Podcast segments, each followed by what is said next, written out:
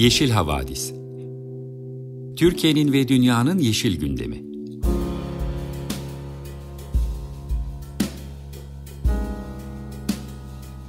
Hazırlayan ve sunanlar Demet Yaman Er, Savaş Çömlek, Dilan Altın Makas, Sare Abit ve Tansu Yeşilkır.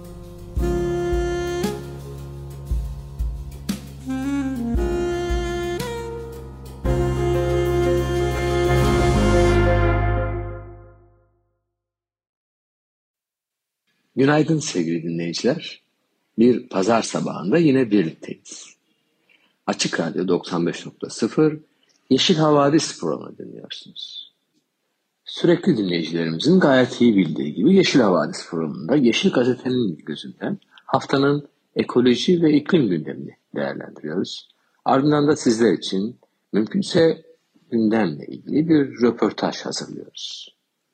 Tabii pazar kahvaltılarına eşlik etmeyi de hayal ettiğimiz için programımıza müzikle başlamak istiyoruz. Başlamadan önce bu programı sizler için kimler hazırlıyor? Biraz da ondan söz edeyim. Ben Savaş Çömlek. Aynı zamanda Yeşil Düşünce Derneği gönüllüleri Demet Er, Sare Abid, Dilan Altın Makas ve Tansu Yeşilkır'ın katkılarıyla hazırladık. Şimdi tekrar müziğe dönelim. Yeşil Gazete köşe yazarlarından Victor Mori'nin köşesine bakalım. Bir şarkının hikayesinde konu edilen A Horse With No Name Amerika grubundan parça. 1960'ların ortalarında babaları Londra'daki Amerikan hava üssünde görevli olan Debbie Burnell, Jerry Beckley, Dan adlı üç genç aynı kolejde eğitimlerini sürdürüyorlar ama iki farklı grupta müzik yapıyorlardı. 1969 yılında bir araya gelen üçlü ödünç akustik gitarlarla yola çıkarak vokaldaki harmonileriyle çağdaş folk rock grubu Crosby, Stills Nash stilinde müzik yapmaya başladılar. İngiliz, İngiliz müziği yapmaya çalışan Amerikalılar gibi görünmemek için de grupların adını Amerika koydular. 50'li yılların sonunda da 60'lı yılların başında American Rock and Roll and R&B müziğinin etkisi altında olan İngiliz grupları 60'ların ikinci yarısında çoktan kendi soundlarını geliştirmişler. Beatles ve Rolling Stones gibi grupların öncülüğünde İngiliz rock müziği sınırların ötesine taşarak müzik dünyasını domine etmeye başlamıştı. Psychedelic rock, progressive rock, hard rock gibi müzik türlerinin önemli temsilcileri olan İngiliz grupları birbiri ardına dünya listelerini alt üst ederken Londra'da yaşayan bu üç Amerikalı genç müziklerine kendi kültürlerini yansıtan folk rock türünde müzik yapmayı seçmişlerdi. Soğuk ve yağışlı Londra'da yaşayıp İngiliz publarında müzik yaparken bir çöl hikayesini anlatan Desert Song adlı bir şarkı yazabilmek için de gerçekten Amerikan köklerine sahip olmak bir miktarda çöl havasını koklamış olmak gerekiyordu. Şarkının ortaya çıkış hikayesini anlatan Louis Bonnell, sanki bir rüyadan uyanır gibi ortaya çıktığını hissettim. Adını bilmediğim bir ata binmekle ilgili bir rüyaydı. Hava gerçekten çok sıcaktı. Çocukken güneşten ciddi anlamda yandığımı hatırlıyorum ama çölde değil, kumsaldaydı. Bir atın üzerindeyim ve kim bilir nereye gidiyorum diye düşünüyordum. Atın adını bilmiyordum ve muhtemelen şapkam bile yoktu. Desert Song ismini verdikleri şarkılarını küçük bir stüdyoda kaydettiler. Grubun her üç üyesi de vokal yapmıştı. Geri 12 telli gitarı çalmış ve kayda tumba ile ilave etmişlerdi. Ancak sıra şarkının ismine gelince küçük bir sorun ortaya çıkmıştı. Desert Song ismi bir operada daha önce kullanılmıştı ve bu durumda şarkıda bahsedilen atın bir adı olmadığı gibi şarkının da bir adı yoktu. Nihayetinde şarkıya yeni bir isim bulmak gerekiyordu. A Horse With No Name ismi şarkıya en yakışan isim olarak kabul edildi. Bonnell şarkıda bir efsaneyi anlatıyordu sanki. Çölde geçen gizemli bir yolculuğu şiirsel bir dille aktarıyordu. Adını bilmediği bir atın üstünde çölde dolaşan anlatıcı günler geçtikçe acımasız sıcaklığın etkisi altında kalıyordu. Ve çölde geçirdiği 9. günün sonunda da atını serbest bırakıyordu. Grup üyelerinden Louis Bennell, A Horse With No Name şarkısının ya da metaforunun hayatın karmaşasından kaçmak için, sakin bir yere gitmek için kullanıldığını anlatmıştı. A Horse With No Name hiçbir zaman büyük bir parça, büyük bir hit parça olmadı ama usta bir ressamın elinden çıkmış gibi yıllar geçtikçe değeri attı. Gizemli hikayesi basit ama bir o kadar da ilginç melodisiyle her nesle hitap eden bir şarkı oldu. Bonnet bugün çiftliğinde eşi ve hayvanlarıyla birlikte yaşıyor. Bir de atları var. Tahmin etmekte zorlanmayacağınız gibi atın bir adı yok. Şimdi parçayı dinleyelim. Merhaba sevgili dinleyiciler. Ben Demet Yaman Er. Bu hafta sizlere Yeşil Havalis programının ekoloji bültenini ben sunuyorum. Bültenimize bir Birleşmiş Milletler raporuyla başlıyoruz. Buna göre Birleşmiş Milletler Eğitim, Bilim ve Kültür Örgütü yani bir diğer adıyla UNESCO ve Dünya Doğa ve Doğal Kaynakları Koruma Birliği ortaklığındaki çalışmada iklim değişikliğinin Avustralya'daki mercan reziflerini tehdit ettiği ve su kalitesini iyileştirme çalışmalarının çok yavaş olduğu kaydedilmiş durumda. Bilim insanları Büyük Set Mercan Rezifinin iklim krizi nedeniyle büyük tehditlerle karşı karşıya olduğunu ve onu kurtarmak için son derece aciliyetle harekete geçilmesini söyleyerek bu tehditlere karşı resifin tehlike altındaki dünya mirasları listesi alınması sonucuna varmış. Öte yandan Avustralya hükümetinden Çevre Bakanı Tanya Plibersek ise düzenlediği bir basın toplantısında UNESCO'nun raporun dikkatleri haksız yere büyük set resifine çektiğini savunmuş ve iklim değişikliğinin bu resif gibi ekosistemler için bir risk olduğunu ancak bu durumun küresel olarak her resif için risk anlamına geldiğini dolayısıyla aslında büyük set rezifinin diğer reziflerden bu şekilde ayrılmasına gerek bulunmadığını ifade etmiş. Yine de 2900 rezif ve 900 adadan oluşan ve neredeyse 345 bin kilometrelik alanı ile dünyanın en büyük mercan rezif sistemi olan Büyük Set Resifi en az bir yağmur ormanı kadar kritik bir ekosistem barındırmanın yanı sıra Avustralya ekonomisine de yılda 4.8 milyar dolar katkıda bulunuyor. Turizm, balıkçılık ve araştırma alanlarında da 64 bin kişi istihdam sağlayan rezifle ilgili olarak bakanın yaptığı açıklamaları bir de bu veriler ışığında okumanın doğru olduğunu düşünmekle birlikte Araştırma sonunda yetkililer de Queensland eyalet hükümetinden sürdürülebilir balıkçılık stratejisinin uygulamaya konulmasının hızlandırılmasını ve yine deniz parklarındaki ağların kullanımının aşamalı olarak kaldırılmasını istiyorlar. Okyanusların ısınmasının ve iklim krizinin neden olduğu asitlenmeler sonucunda okyanuslarda mercan ağarması yaşanmaya devam ederken iklim değişikliği, aşırı avlanma ve kirlilik nedenleriyle 1950'den bu yana yaşayan mercanların yarısı ne yazık ki yok olmuş durumda. Bu kez ülkemizden, Türkiye'den ekolojik ve kültürel mirasla ilgili haberimize geçelim. Antalya'nın Manavgat ilçesindeki birinci derece sit alanı Lirbe Antik Kenti'nde bölgede daha önce yaşanan yangında zarar gören ağaçların kesilmesi için kendisine ihale verilen şirket, iş makineleriyle derinliği yer yer 2 metreye bulan yaklaşık 600-800 metre uzunluğunda bir yol açarak bölgedeki ekosisteme zarar vermekle kalmamış, yine kesim sırasında antik kente bulunan ve Helenistik döneme ait olduğu düşünülen bir sarnıcın kemerinin de ne yazık ki yıkılmasına yol açmış. Sitemde müdürlüğüne görevli arkeolog Aytekin Topuz ve uzman Nergis Durman'ın tuttuğu tutanağa yansıyan bilgileri haberleştiren İsmail Saymaz'ın aktardığına göre Neribe'de ağaçların yanması üzerine yangın hasar tespit komisyonu kurulmuş ve Antalya Kültür Varlıklarını Koruma Bölge kurulunca da yanık ağaçların kesilmesi ve bu esnada tarihi eserlere zarar verilmemesi kararlaştırılmış. Bu nedenle ağaç kesiminin müze müdürlüğü denetiminde yapılması gerektiği de ifade edilmiş. Ancak SİDE Müze Müdürlüğü'nün ilgili orman işletmesine kesimlerin belli bir plan dahilinde ve kendi denetimlerinde yapılmasını söylemesi ve müze yetkililerinin bu konuda düzenlenen toplantılarda nasıl bir yol izlenmesi gerektiğini anlatmasına rağmen usulüne uygun ilk kesimden sonra gerçekleştirilen ikinci kesim sürecinde ne yazık ki müze müdürlüğüne haber verilmediği gibi daha önce yapılan iş makinesi kullanılmaması ve herhangi bir yol açılmaması gibi uyarılar da dikkate alınmayarak bölgede topografiyi değiştirecek ölçüde derinleşmeye gidildiği ve yol açıldığı, çıkarılan toprak ve kayaların da açılan yolu düzleme işlemi için kullanıldığı, üstelik ağaç kesimi sırasında ise antik sarnıç kemerinin yıkılmış olduğu raporlanmış. Ayrıca mimari blok ve taş sütunların da yol kenarlarına dizildiği belirtilirken, Site müze müdürü Melih Kılınç, kentte iş makinesiyle izinsiz yol yapma ve kültür varlıklarının tahribatına yol açma suçlamasıyla şikayeti olunmasını istiyor. Orman İşletmesi Müdürlüğü çalışanları ise antik kente yapılan kazının yol açmak amacıyla değil, define bulmak için yapıldığını belirtmiş. Orman yangınlarının sık sık görüldüğü ülkemizde her yangın sonrası uzmanlar ısrarla uyarılarda bulunurken bu uyarıların hala da dikkate alınmadığını ve gerekli işlemlerin yapılmadığını görmek gerçekten anlaşılması güç bir durum. Ekoloji bültenini pazar sabahına yakışır umut verici bir haberle sonlandıralım. Doğanın ve tüm canlıların lehine bir mahkeme kararına geçelim. İzmir'de Kültür ve Turizm Bakanlığı tarafından hayata geçirilmesi planlanan ve 16 bin hektarlık alanı kapsayan Çeşme projesinin yürütmenisinin durdurulmasına karar verildi.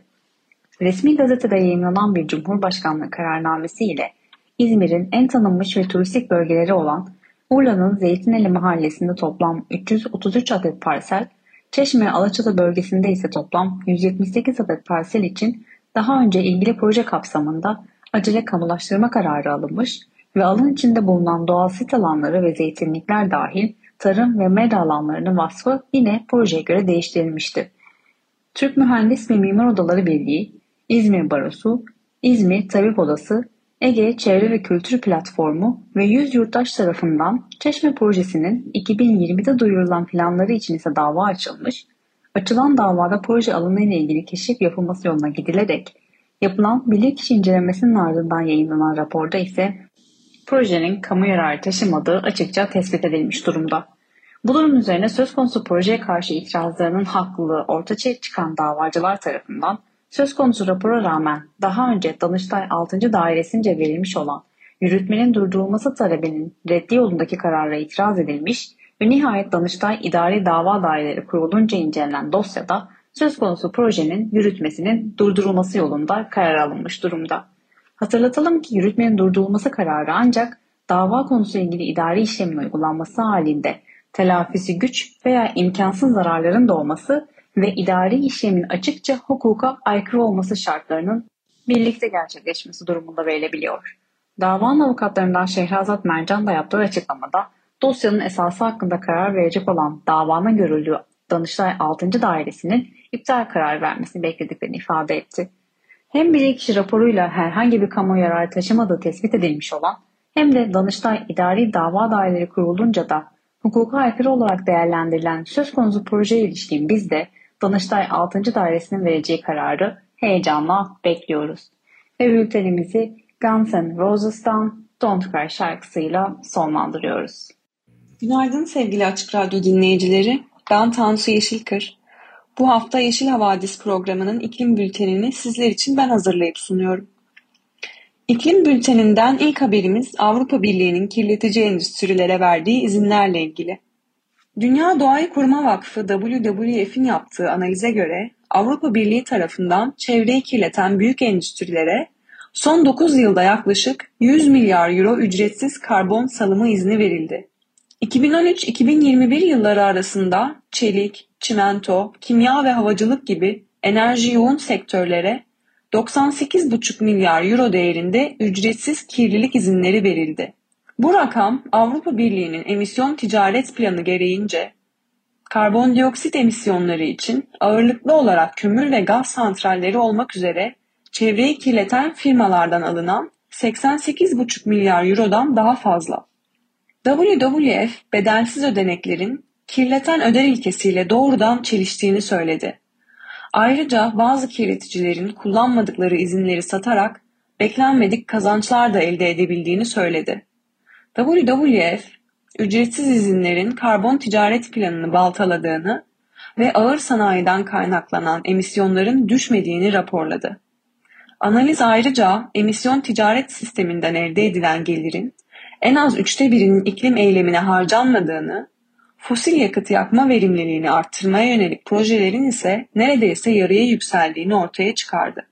Raporun başyazarı ise şunları söylemiş.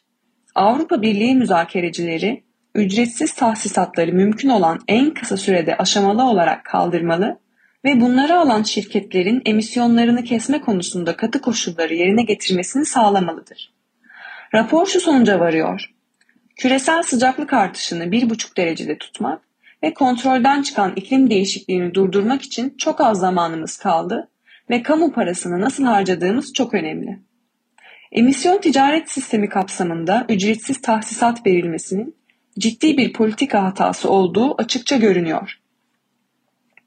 Sıradaki haberimiz ise Birleşmiş Milletler Kalkınma Programı'nın yayınladığı bir rapora dayanıyor.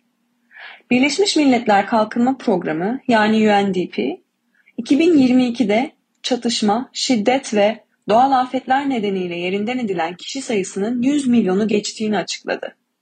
UNDP'nin raporuna göre çatışma, baskı, şiddet ve doğal afet gibi sebeplerden evini terk eden kişi sayısı 2021'in sonunda yaklaşık 59 milyon olarak kayıtlara geçmişti.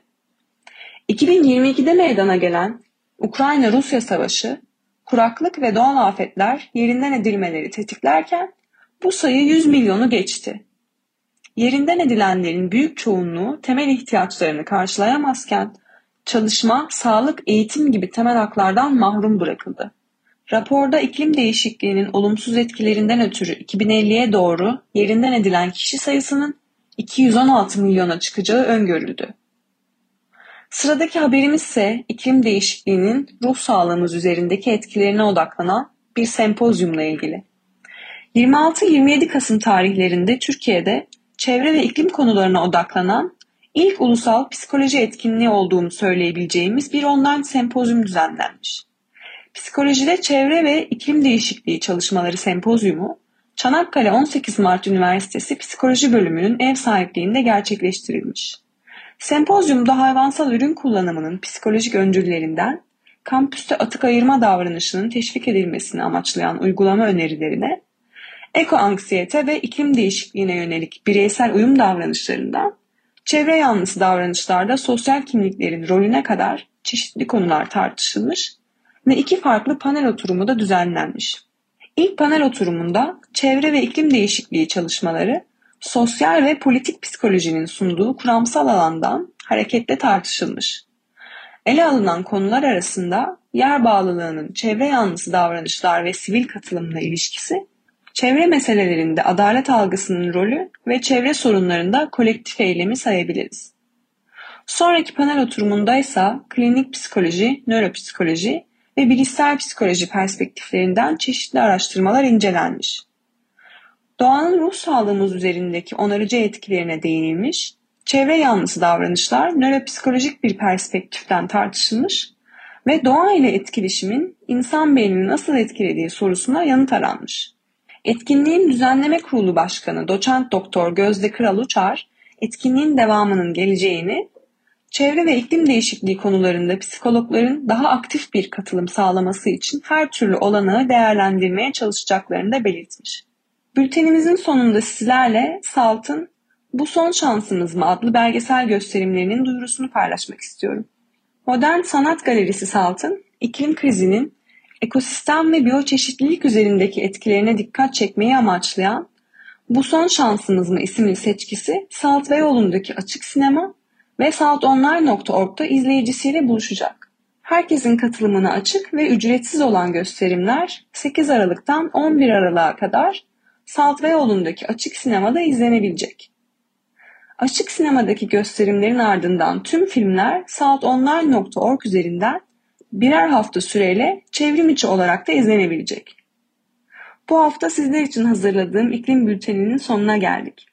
Sizin için Gaye Su Akyol'un yeni yayınlanan albümünden Sen Benim Mağaramsın adlı parçasını seçtim. Hepinize keyifli bir pazar günü ve iyi haftalar diliyorum. Sevgili dinleyiciler, hoş geldiniz tekrar. Açık Radyo 95.0 Yeşil Havadis programının röportaj köşesindeyiz.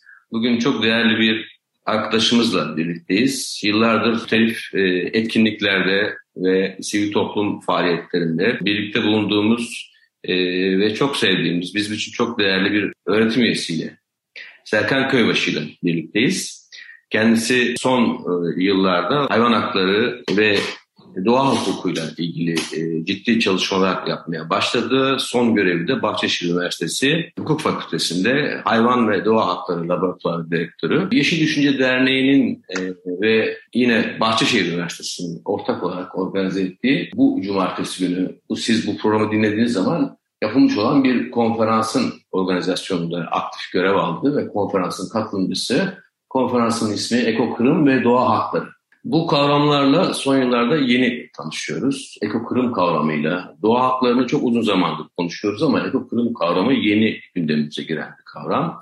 Hukukta da mutlaka e, bir yeri olmalı ki e, bir hukukçu, e, akademisyen bir hukukçu ve daha çok toplantıda kuşların katılımcı olduğunu görüyoruz. Önce bu kavramı tanımakla başlayalım. Ülkemizdeki ve dünyadaki yeriyle ilgili başlayalım.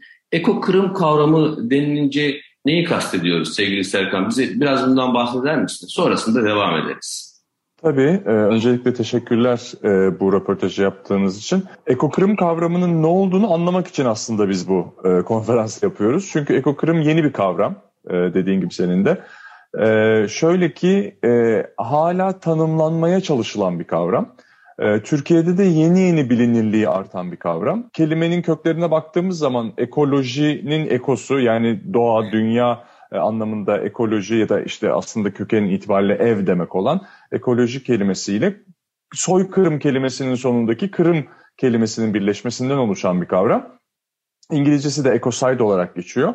Ee, şimdi burada e, aslında ekokırımla yani ekolojik faaliyet, e, ekolojik yıkımla e, soykırım arasındaki bağlantılar üzerinden ortaya çıkmış bir kavram. Çünkü biz e, genelde doğaya verilen zararları doğaya verilmiş zararlar olarak işte ağaca, ormana, hayvana, toprağa yapılmış zararlar olarak algılıyorduk ama e, son yıllarda gelişen e, bazı düşünce e, sistemleri dediler ki evet ama doğayı öldürdüğümüz zaman bu aslında insanlara da yansıyor ve insanların da yaşam hakkını etkiliyor. E, bunun üzerinden e, ve hatta özellikle e, bazı ormanlık alanlarda özellikle Amazon gibi ormanlık alanlarda bazı kabilelerin yaşadıkları coğrafyayla bağlantıları bizim şehirlerdeki yaşantımızdan çok daha güçlü. O yüzden eğer oradaki bir ormanı yok ederseniz aslında oradaki kabileyi, oradaki topluluğu da yok ediyorsunuz. Ve bu aslında bir soykırıma da erişiyor, soykırım boyutuna ulaşıyor. İşte o yüzden de e, ekokırım kavramı e, insanlarla bağlı ama aynı zamanlarda insanlardan da bağımsız, insanlara verilen zarardan da bağımsız bir kavram olarak ortaya çıkıyor. E, ama dediğim gibi bunun henüz hala tanımı yapılabilmiş durumda değil. E, ilk bu kelimenin kullanıldığı an 1970'ler. 1970'te e, ilk önce kullanılıyor bu kavram. E, 19, e, Yale Üniversitesi'nde Arthur Galston tarafından. Ee, daha sonra ama gündeme gelmesi 1972 yılında Stockholm'da toplanan e, Birleşmiş Milletler Çevre Konferansı'nda bu kelimenin İsveç Başbakanı Olof Palme tarafından zikredilmesiyle oluyor. Yani aslında dünya sahnesine çıkıyor. E, o zamandan beri yani 1972'den beri aslında çok da fazla e, gündeme gelmemişti. Fakat sonrasında bu işte iklim krizinin daha görünür hale gelmesi, bilimsel olarak daha somut delillerle e, ortaya konması ve altıncı yok oluşa doğru gittiğimizin anlaşılması üzerine işte bu e, doğaya verilen zararların aslında e, bütün ekosisteme verilen ve bunun içerisinde insanlara da verilen zararlar olduğu düşüncesi ön plana çıktı. Buradan da işte özellikle büyük yıkımların, doğaya verilen büyük zararların ekokırım suçu altında değerlendirilmesi gerektiği, bu yıkımlara sebep olanların da cezalandırılması gerektiği düşüncesi ön plana çıktı. Burada da çeşitli girişimler var ama son yıllarda özellikle son aylarda e, ekokırım kavramını e, gündeme getiren bir grup akademisyen var. Onlar e, ekokırımın tanımlanması ve daha sonra da Roma statüsüne eklenmesi için çalışıyorlar. Roma statüsü de biliyorsunuz Uluslararası Ceza Divanı'nın kuruluş statüsü. Ee, eğer buraya ekokırımı ekleyebilirlerse ki oldukça zor bir süreç ve uzun bir süreç ama eğer bunu başarabilirlerse e, bugün doğaya zarar veren ve çok büyük yıkımlara sebep olan şirketler ve devlet görevlileri e, kişiler ama şirketlerin kendileri değil ama şirketlerin yöneticileri veya devlet e, yöneticileri e, bireysel olarak suçlandırılıp cezalandırılabilecekler Uluslararası Ceza Divanı tarafından. Yani Shell'in yöneticisini ya da Shell'le işbirliği yapan e, bir devletin yöneticisini ya da işte iklim krizine rağmen hala e, Kuzey Denizi'nde e, işte petrol arama izni veren Danimarka'nın başbakanını yargılayabileceksiniz. Böyle bir e, suç eğer olursa Uluslararası Ceza Divanı'nda. İşte bu ama dediğim gibi hala tartışılmaya devam eden bir konu. Ekokırım kavramı ve tanımlanması.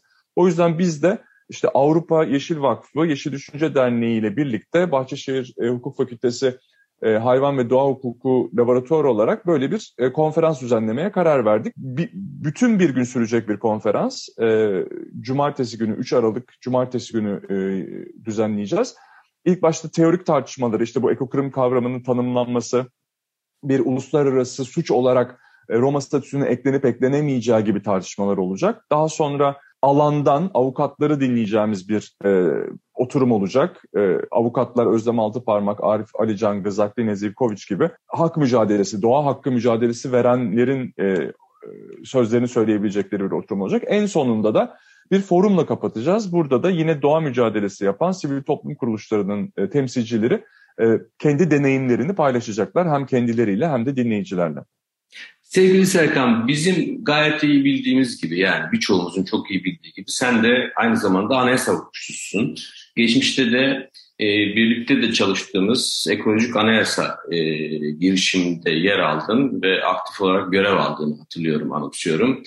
Doğanın haklarının işte ilk Ekvator Anayasası'na girmesinden sonra belki de e, doğa haklarının anayasal olarak güvence altına alınmasının e, de bir, bir miktar bahsetmek lazım. Bir de ulusal ölçekte de ekokurum kavramını ekolojik anayasa içerisinde değerlendirmek mümkün mü?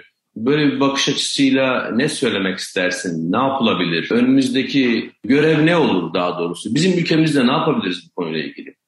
Nasıl bir e, mücadele e, ol, e, oluşturmak lazım? Neyi savunmak lazım?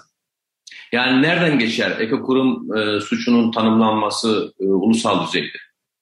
Güzel bir soru, e, karışık bir soru ama e, çok da normal çünkü e, durum çok karışık. E, şimdi iklim krizi e, gerçekten içinde yaşadığımız bir durum ve e, çok acilen, çok sert önlemler almadığımız zaman e, bunun artık e, kontrol ol, kontrol edilmekten çıkabileceği e, ve e, geri döndürülemez bir noktaya geldiğimiz bütün bilim insanları tarafından neredeyse artık kabul ediliyor. Dolayısıyla her yönden saldırmak lazım hukuki anlamda da ama aynı zamanda sosyoloji anlamında da fizik anlamında da matematik anlamında kim elinde hangi imkanlar varsa bu gidişatı geri döndürmek için mutlaka çalışmalı. Hukuk alanında da anayasa hukukçuları kendi alanlarında, ceza hukukçuları kendi alanlarında, medeni hukukçular kendi alanlarında bu e, gidişatı yani iklim krizinin yarattığı yıkımı geri döndürmek için elinden gelen çabayı göstermeli. Evet dediğin gibi biz e, ekolojik anayasa girişimi olarak e, işte o 2010'ların başında e, bir çalışma yapmıştık. Meclise gitmiştik. Oradaki anayasa yazım sürecine katılmıştık. Söyle e, yani görmek istediğimiz değişiklikleri anlatmıştık. E, bu e, görmek istediğimiz değişiklikleri zaten 2008'de Ekvator e, Anayasası'nda yapmışlardı Ekvatorlular yeni anayasa yazım sürecinde ve oradaki e, ek, ekolojik anayasa diye kısalttığımız işte Paçamama yani doğa ananın haklarının anayasaya yazılmış olmasının sonuçlarını bugün görüyoruz. Olumlu sonuçlarını. Ekvator'da mesela bir e, ormana, Los Cedros ormanına Anayasa Mahkemesi kişilik hakları tanıdı. Var olma hakkı tanıdı. Yani yaşam hakkını tanıdı. Ormana herhangi bir insana bir çıkar sağlayıp sağladığına bakmadan e, dedi ki bu ormanın var olma hakkı vardır. Sen burada madencilik yapamazsın. Ne şimdi ne bundan sonra. Aynı şekilde bir hayvana, Estrelita diye bir maymuna yine kişilik hakları tanıdı. E, habeas corpus hakları tanıdı. Yani suçsuz yere hapsedilemez bu hayvan dedi. Sen işte bir kişi olarak bunu evinde tutmuşsun, onun habeas corpus haklarını, tutulmama haklarını, tutuklanmama hakkını ihlal etmişsin. Sonra devlete döndü dedi ki sen de bu hayvana el koymuşsun, yine haklarını ihlal etmişsin. Şimdi bunlar e, ekolojik anayasa dediğimiz doğa ananın haklarının tanındığı anayasaların ne kadar önemli sonuçlar doğurabileceğini gösteriyor. E, o yüzden de Türkiye'de de doğa ananın haklarının tanınması, hayvanların haklarının tanınması, toprağın, suyun, havanın haklarının tanınması bu anlamda çok önemli. e, bu, e, doğal unsurların yıkımın yıkıma uğratılmasının, kirletilmesinin, geri döndürülemez şekilde kaybedilmesinin önüne önemli bir bariyer e, teşkil ediyorlar. E, bunlar o yüzden anayasa hukukçuları tarafından talep edilmeli, e, vatandaşlar tarafından talep edilmeli, siyasal partiler tarafından talep edilmesi gereken değişiklikler.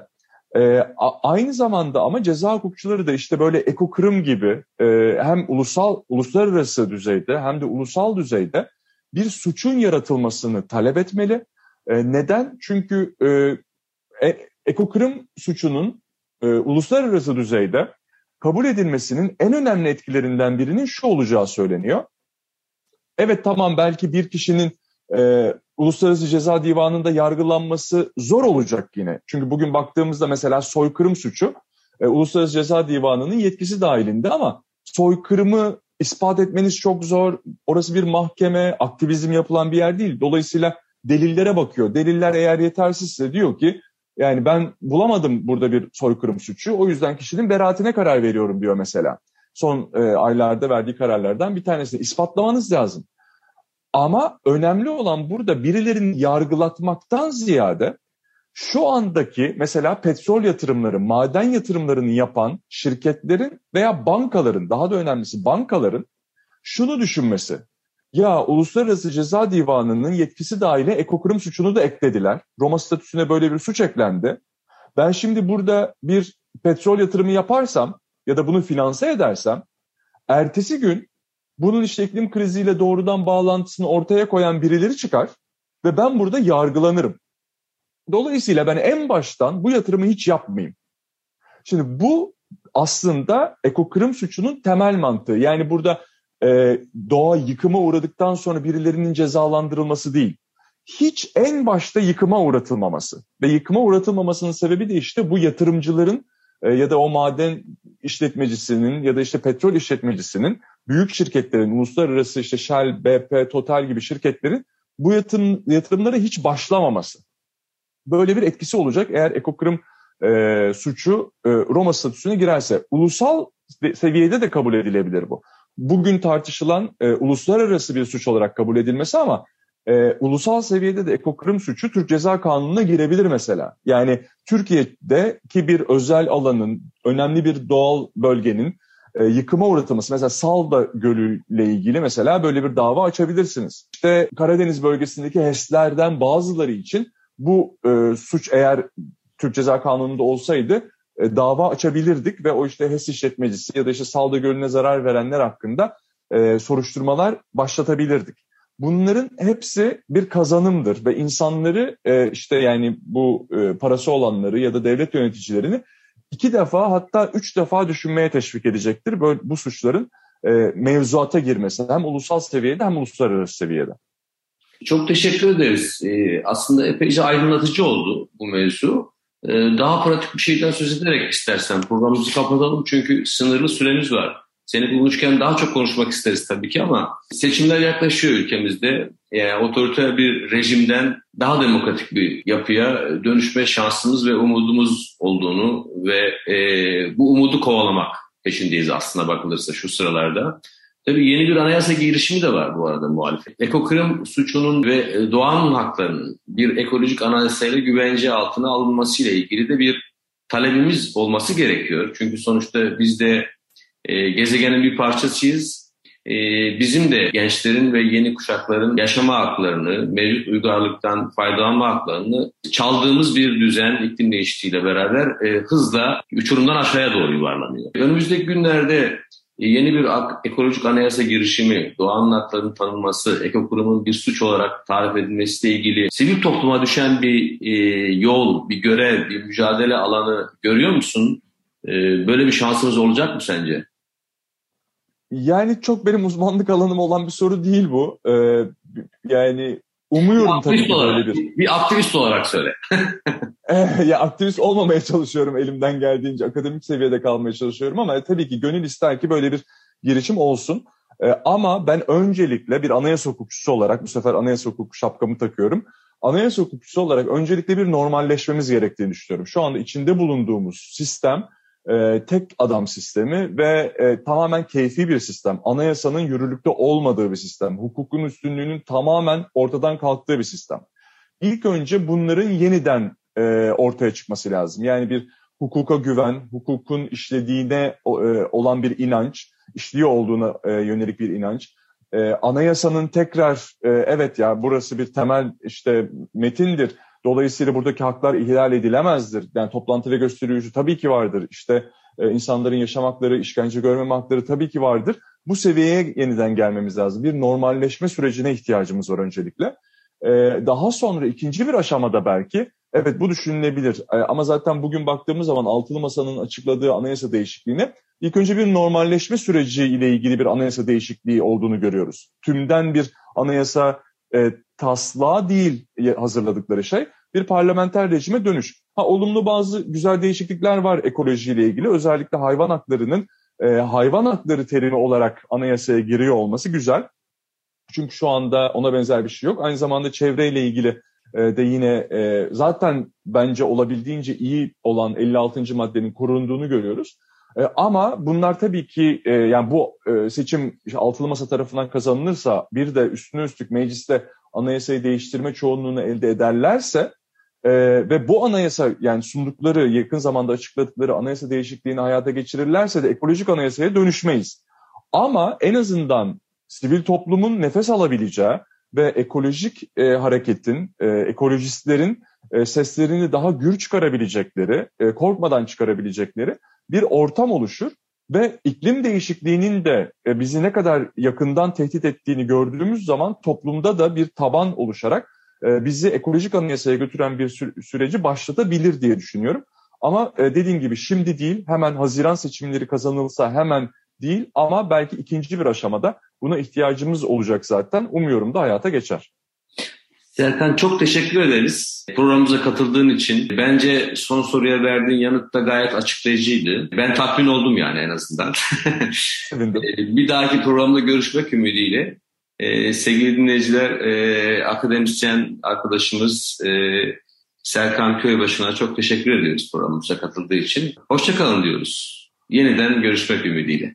Sevgili dinleyiciler, ekokırım ve doğa hakları ile ilgili akademisyen Serkan Köybaşı ile yaptığımız bu güzel söyleşinin ardından bir duyuru haberle programımızı sonlandırmak istiyoruz. Online bir konferans haberimiz var.